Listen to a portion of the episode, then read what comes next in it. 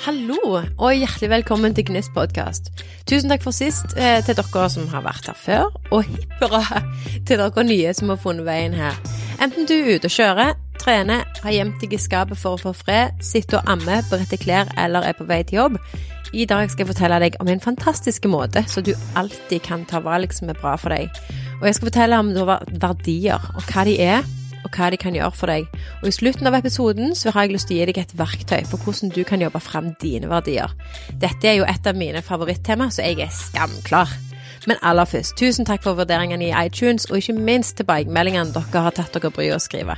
De varmer langt inn i hjerterota, og vet at jeg har lest og vil lese alle framtidige òg. Så tusen, tusen takk. Og som småbarnsforeldre så raser jo dagene fra oss, og ukene de er jo nesten over før de er begynt. Altså litt sånn hashtag egentid er jo en sjelden vare, og det meste det skjer i toppfart og bånn gass. Eh, så det å gå på kompromiss med seg sjøl, det har jeg ikke bare gjort, men jeg har òg gjort det så til de grader. Tingen er jo at jeg på ingen måte er alene, og det vet jeg jo. Og jeg tror ikke det er uten grunn at det er flere og flere Snapchat sånn mødregrupper som dukker opp. For det at vi har litt sånn behov for fellesskapet, vi har behov for støtten og galgenhumoren når vi går hjemme med småbarn. Og digitale medier en, eh, har liksom på en positiv måte bidratt på dette området her, så heier til alle dere som hiver dere ut på å dele. Så da har vi fellesskapet dekka. Men har vi skrudd på vårt eget alarmsystem i kaoset, det som gir oss et eh, stille, blinkende lys før vi potensielt har en full utrykning på gang. For hvem tar egentlig vare på deg hvis du ikke gjør det, og hvem sikrer at du får det påfyllet du trenger for å holde det gående? Altså, nå snakker jeg til deg, Pakkeren, innkjøperen, ammeren, systematikeren, planleggeren, snapperen, sjåføren, frisøren, perfeksjonisten, bleieskiftarbeideren, nattevakten, vognføreren, hovmesteren, stuepiken, kokken, megleren, dommeren, advokaten, klemmeren, sykesøsteren og trøsteren. Altså, vi har en hel haug med roller vi fyller hver dag, mest sannsynlig i tillegg til dagjobben, så jeg lurer på, hvem tar da vare på humor? Og jeg tror at med å prioritere og respektere verdiene våre, altså det som faktisk er viktig for oss, så kan vi opprettholde energien og gnisten vi trenger for å ha det godt med oss sjøl og de rundt oss. Verdiene de er ditt indre kompass som styrer uansett om du følger med hvor nåla går eller ikke. Men det er unektelig lettere å følge stien om vi både følger med på den, på den og hvor nåla peker. Og i tillegg, hvis vi har gått oss vill, så er det jo også sant vi kjenner retningen, ingen problem å sette kursen på nytt igjen. Jeg kan begynne litt med hvorfor det er så viktig å sette verdiene sine. Sånn som det er, da, så har vi alle verdier som vi styrer etter, og de eksisterer faktisk, enten vi er klar over de eller ikke. Mest sannsynlig så vil vi ikke vite eh, hva de er før vi har gjort et stykke arbeid for å finne ut av de. Og når vi først er bevisst hva de er, så kan vi bruke de som et kompass til å gjøre små og store valg i livet som er rett for oss. I praksis så uttrykkes verdier som litt sånn abstrakte ord, sant? Litt sånn som vennskap, humor, tillit, harmoni, frihet, balanse, kjærlighet, og under disse ordene så ligger våre individuelle betydninger av hva det spesifikke ordet betyr for oss. I tillegg til at vi har vår egen betydning av hvert enkelt ord, og når vi har funnet våre viktigste verdier, prioriterer vi de i den rette rekkefølgen for oss, fordi vi alle har en på en måte prioritert rekkefølge av verdiene våre. Og verdiene de skapes i oppveksten gjennom opplevelser, erfaringer med å etterligne familie eller venner, og de er egentlig en integrert del av vår identitet, og de er de fundamentale prinsippene vi lever etter. Verdiene de bestemmer jo òg delvis hvordan vi lever livene våre, med alt fra studieretning, jobb, venner, bosted, for å nevne noen. Og så er det jo gjerne sånn da at noen av oss har vært flinke og fulgt de, uh, ubevisst eller bevisst, mens andre av oss har vært egentlig gått rundt med skylappene på. Uh, og så bare en liten sånn ting, da. I, en liten heads up. I slutten av podkasten vil jeg opplyse hvor du kan finne det verktøyet jeg har laget, sånn at du kan oppdage dine egne verdier. Jeg, og, jeg, og jeg bare helt seriøst, jeg underdriver ikke viktigheten av dette arbeidet, og jeg tar det egentlig ekstremt seriøst, så jeg har lagd et fire dagers e-postkurs. Det betyr ikke at du må jobbe i fire dager, altså, bare sånn fra det sagt. Men jeg tror at det, det å fordele eh, på en måte jobben utover eh, flere dager kan bidra til at eh, en får tid til å fordøye det, og at du kan få det rett på første gang. Men jeg var jo ikke ferdig. Sånn, sånn, sånn. Ok. Dine verdier, det er dine drivere. Og verdien vår, det er driverne bak motivasjonen vår, eh, intensjonen vår, hensikt, handlinger, reaksjonsmønster og ikke minst overbevisninger. Som for eksempel, du kan miste jobben din og fremdeles være deg sjøl. Du kan miste huset og fremdeles være deg sjøl. Du kan bli syk, og du er fremdeles deg sjøl. Og du kan for eksempel gå konkurs, og du er fremdeles deg sjøl. For ingen kan ta fra deg verdiene dine, med mindre du vil det, da. For verdien, de er egentlig deg. Er du med? Så hvis du i framtida tar valg basert på verdiene dine, så kan du være sikker på at du, du gjør det rette for deg. Det er ganske kult, sant? Så du sikkert forstår, så er det å oppdage og for seinere å bruke verdiene sine som kompass noe av det mest verdifulle faktisk du kan gjøre for deg sjøl. Og sånn som jeg ser det, og etter jeg da har holdt på flere år med å jobbe med meg sjøl og, og, på en måte bli mer av meg sjøl, så er verdien egentlig selve essensen i selvutvikling. Når jeg sjøl ser på mine verdier, så er det klokkeklart for meg at jeg har funnet den rette og satt den på topp. Og her er det grunnen til jeg tror at det, det er sånn som det. Jeg er overbevist om at verdiene henger sammen med det vi ser på som liksom hashtag vårt arbeid, eller at det vi gjerne er meint for å gjøre, eh, og, og det vi virkelig, virkelig brenner for. Altså det som på en måte får oss enten til å tenne i bånd, eller der på en måte gnisten fyker. Og jeg har egentlig lyst til å bruke min toppverdi som eksempel. Og den er, bare for å si det sånn, den er ektehet. Jeg begynte med å kalle den ehm, eh, og det å være autentisk og bla, bla, bla, men egentlig så var det en, en eh, fin mann som kom bort og sa en sånn Du, ektehet, eh, kanskje det kan brukes som et ord på Yes! Fin ektehet. Solgt! og litt av det som ektehet betyr for meg, da. Ektehet det betyr at jeg elsker å respektere folk som tør å være seg sjøl, til tross for hva andre sier eller mener. Og jeg digger når folk følger drømmene sine og går all in. Jeg er òg bombesikker på at det ligger ei gullgrue i hver enkelt av oss, og at den er overfylt til randen. Og jeg hater smalltalk, og jeg er skikkelig dårlig på det òg. Og jeg elsker da å snakke med mennesker om hva som motiverer de, og hva som driver de. Og til slutt, jeg hater janteloven dypt og inderlig, og du skal ikke tro at du er noe, det er faktisk noe som trigger meg på alle kanaler. Så denne verdien her, det var en av de første som var helt klokkeklar for meg da jeg skulle finne ut av mine.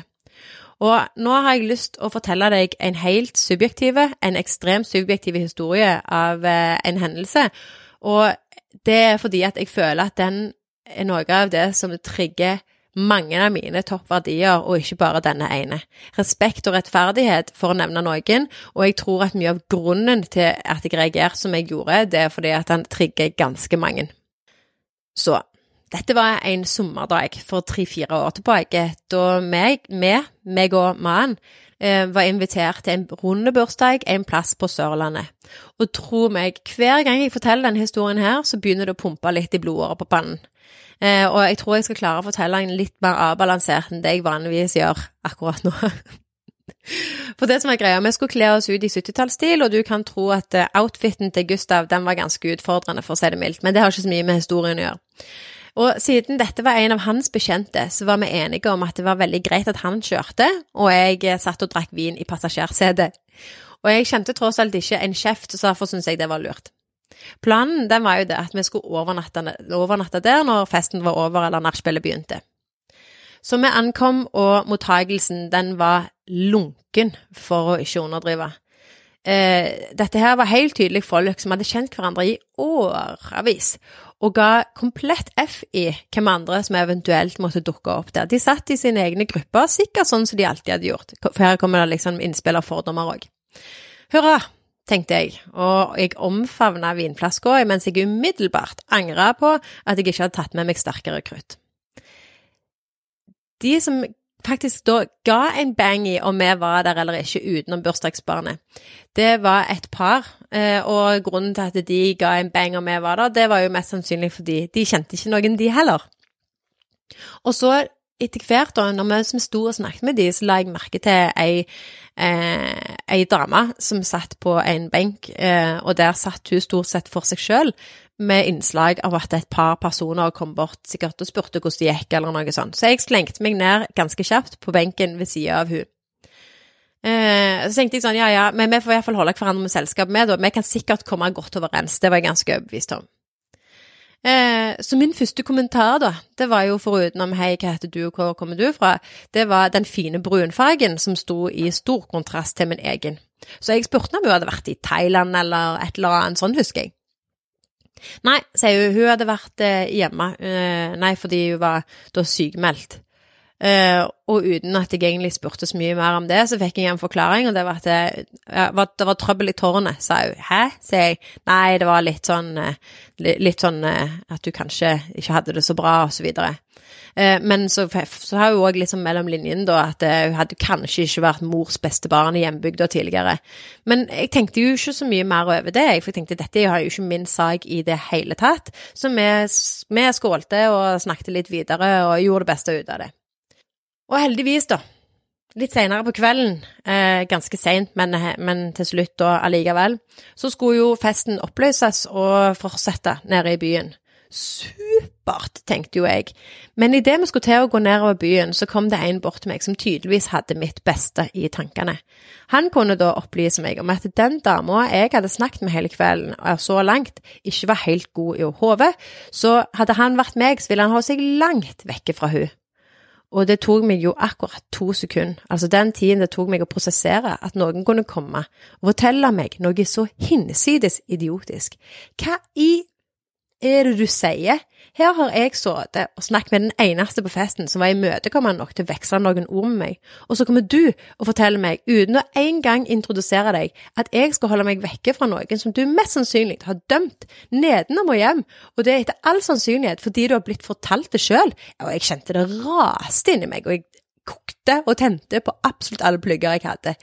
Men heldigvis da, så var han jo kjapp nok i oppfattelsen til å ta bein og fatt før han endte i en eh, veldig, veldig lite hyggelig diskusjon. Og dessverre så var jo ikke dette siste gang jeg skulle bli fortalt hvem jeg burde og ikke burde være med. Og ikke burde meg noen ting, da er jeg jo eh, på defensen allerede.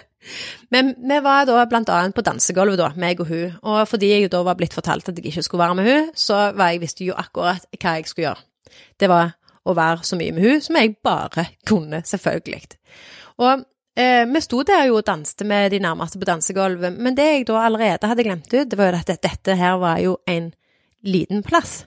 Og det var jo ikke før Vi sto liksom og danset med de rundt oss, og så helt til han her, han 60 år gamle mannen som sto rett i nærheten av oss, eh, sa at nei, han kunne jo ikke danse med oss. Eh, og så gikk det en liten sånn en F i meg, så sier litt sånn Så jeg bare, jeg bare tenkte nei, vet du hva, den her skal du ikke slippe unna med. Jeg lurer på hvorfor. Hvorfor, hvorfor ikke det, da? Nei, for tenk hva folk sier da. Å, herregud, mann. Må du få deg noen baller? Vet du hva, det jeg, Ja, jeg måtte nesten Ja. Mm. Så etter ei stund eh, så kom jo òg Gustav bort til meg etter å ha snakka med en annen velmenende lokalkjent. Eh, så han kviska meg i øret. Eh, at uh, hun som jeg da hang sammen med, hun, han hadde, for det hadde blitt fortalt da, at hun visstnok ikke var helt god. Og jeg bare kjente, for hva, nå, nå, nå rabler det helt fullstendig for meg. Om hun er god eller ikke god, det, det kommer jeg jo aldri til å finne ut av, men jeg hadde hørt nok. Så jeg ikke ikke pokker meg gadd å være på denne gudsforlatte drittplassen et minutt lenger enn jeg måtte, og jeg ante ikke hvor jeg skulle, men jeg antok at vi hadde da eh, en eller annen plass vi bodde i høyden. Så jeg gikk intuitivt og målretta hjem i ren forbannelse, og på veien tilbake konkluderte jeg at jeg ikke orka være i nærheten av noen av de engang, så jeg gikk og la meg i bilen på ren trass. Og jeg innbiller meg jo, av den personen jeg oppfatta hun her å være, så dette var dette egentlig ganske enkelt et menneske som hadde turt å gå mot strømmen en eller annen gang og uttalt seg om ting hun ikke burde, og eventuelt i tillegg tatt noen valg som lokalsamfunnet for øvrig ikke var helt enige i var normalt. Og jeg antar også at hennes trøbbel i tårnet henger litt sammen med at hun var blitt utstøtt av lokalsamfunnet og sine tidligere venner. Og hun hadde nok trodd at hun var noe en gang. For du må ikke det, vet du. Nei, for all del, ikke skill deg ut heller. Det er jo mye bedre å være en del av mengden. Vet du hva, jeg ble helt dårlig, jeg. Så til tross for x antall advarsler, så endte hun opp med å være den eneste for den kvelden som jeg faktisk respekterte. Og jeg kjenner igjen mange av verdiene mine i denne historien, og det som på en måte sitter igjen aller, aller best for meg, det er det at eh, veldig ofte så Enten så tillater ikke folk andre å være seg sjøl, eller så kan de ikke tillate det sjøl. Og på død og liv så skal vi presses inn i en boks fordi at noen har sagt det skal være sånn. Eller alle er bare jevnt enige om at det skal være sånn. Og når jeg ser tilbake, så i forhold til min verdi, da, så har jeg nok blitt holdt tilbake, enten av meg sjøl eller andre i oppveksten. For tenk om jeg noen gang skulle tro jeg var noe, og tenk hva folk tenker om meg da. Det er liksom det som sitter i meg, og det sitter inn i kåren av meg, og det er jo derfor det er så mye motstand der. Men på en annen side, jeg tror jo òg det at det, min toppverdi har bidratt til på en måte det som jeg liker å gjøre nå, og det å være med på en måte vekke mødre opp litt fra dvalen, og det å coache mødre til å utnytte sitt potensial, og det å, bli, å hjelpe til å bli kvitt hemmende overbevisninger, og, og, få dem til å oppdage hvor fantastiske de egentlig er. Jeg tror jo òg at det, om vi mødre lever etter våre verdier og tør å være oss sjøl, les ekte, og stå for det vi mener, så vil òg den troen vi har på oss sjøl, forhåpentligvis smitte over på ungene våre. Og i tillegg så er jeg jo en av de som er bombesikker på at alle har liksom en sweet spot. Det som er kombinasjonen av det du elsker å gjøre, eh, og kombinasjonen av det du bryr deg om, les toppverdi, og det vi ønsker å hjelpe andre med. Så det jeg konkluderte det er at den mørke baksida, altså mitt reaksjonsmønster, eh, av, eh, med denne toppverdien, med basis i denne, denne historien her, er Den har liksom to sider. Eh, og den har ei lys side òg, og den sida der den er jeg overbevist om at vi virkelig kan bruke til vår fordel. Bare tenk på mengden energi som ligger der. Og jeg oppdaget òg at for meg personlig så har jeg mest utvikling å gjøre når det kommer til toppverdien min. Og det er fordi jeg her mest sannsynlig har aller, aller mest hemmende overbevisninger igjen. Og jeg vet ikke med dere andre, men jeg tror at det, det er liksom i toppverdien, eh, når vi har funnet den og utnytta den fullt ut, at vi har mulighet for å mye bedre nå våre mål og utnytte størst potensial i oss sjøl. Og når vårt ekte potensial slipper ut, da tror jeg òg at vi blir enda mer ekte. Og våre verdier, det er noe av det eneste vi virkelig er forberedt på å forsvare med nebb og klør om de skulle utfordres. Bare tenk på hva som er viktig for deg når noen av disse her temaene her diskuteres. Kontroll, religion, barnerettigheter, krig, helse. Og oppsummert så drives du av dine verdier fra du står opp om morgenen til du legger deg om kvelden. Og ikke kjenne de kan være upraktisk på sitt beste og ødeleggende på det verste. Sånn, da var jo propagandaen komplett. Men du skjønner hva jeg mener. Så her er lista et par fordeler med det å kjenne verdiene sine, og måten du på en måte kan bruke de og tenke rundt de. Det å kjenne verdiene sine, det gjør at du vet hvor du står. Og du skjønner hvorfor du gjør som du gjør, fordi du får innsikt i noen grunnleggende behov, og hvorfor du gjør det. Du får innsikt i hvordan du kan ivareta deg sjøl bedre, og tar en vare på seg sjøl, så er det jo òg mye lettere å ta vare på andre. Du skjønner hvorfor du er engasjert i noe, og kanskje likegyldige til noe annet. Det er lettere å ta gode valg for deg sjøl fordi du spotter raskere om du går på kompromiss med verdiene dine. Og det er mye lettere for deg å kommunisere hva som er viktig for deg, og du skjønner hvorfor du liker noen bedre enn andre. Eh, det er ganske mye lettere å si nei, fordi prioriteringen er lettere. Og det er òg enklere å sette grenser. Henger jo òg sammen med det å si nei. Og ikke minst det å kjenne partneren sine verdier eh, kan òg være en ekstremt stor fordel. Og bare for å ha det sagt, så er verdiarbeid det er noe av det som òg brukes eh, som et verktøy i parcoaching. Og sånn som du sikkert forstår, så er det å finne verdiene sine en del av jobben, og så kommer den bevisste integreringen av de etterpå. Og uansett hvor mye jeg ønsker at du gjør dette for deg sjøl, så er ikke dette en jobb du har tillatelse til å gjøre halvveis. Da er det rett og slett null poeng. Og av den grunn så er det kurset jeg har satt sammen på fire dager, det er satt sammen på grunn av fordøyelsestida. Så her må det litt hands on arbeid til. Og hvis du noen gang har vurdert å prøve coaching, så dette er et utrolig bra utgangspunkt for videre arbeid, fordi om du setter deg framtidige mål og skal jobbe mot dem, så er det viktig at dine mål ikke er i konflikt med verdiene dine. Jeg håper dette har gitt deg et bedre bilde av hvordan verdiene dine kan hjelpe deg til å ta gode valg og ta bedre vare på deg sjøl. Så det var det for i dag. Og hvis du likte det du hørte, så er jeg supertakknemlig om du abonnerer på podkasten og legger igjen en rating. Og hvis du kjenner noen som kan ha nytte av denne episoden, så del for all del. Ikke glem at du finner alle verktøy og ressurser på én plass med én pålogging med å gå til gnistparty.no. Tusen takk for at du hørte på, enten du ikke fant av knappen, eller du faktisk likte det du hørte. Jeg digger deg.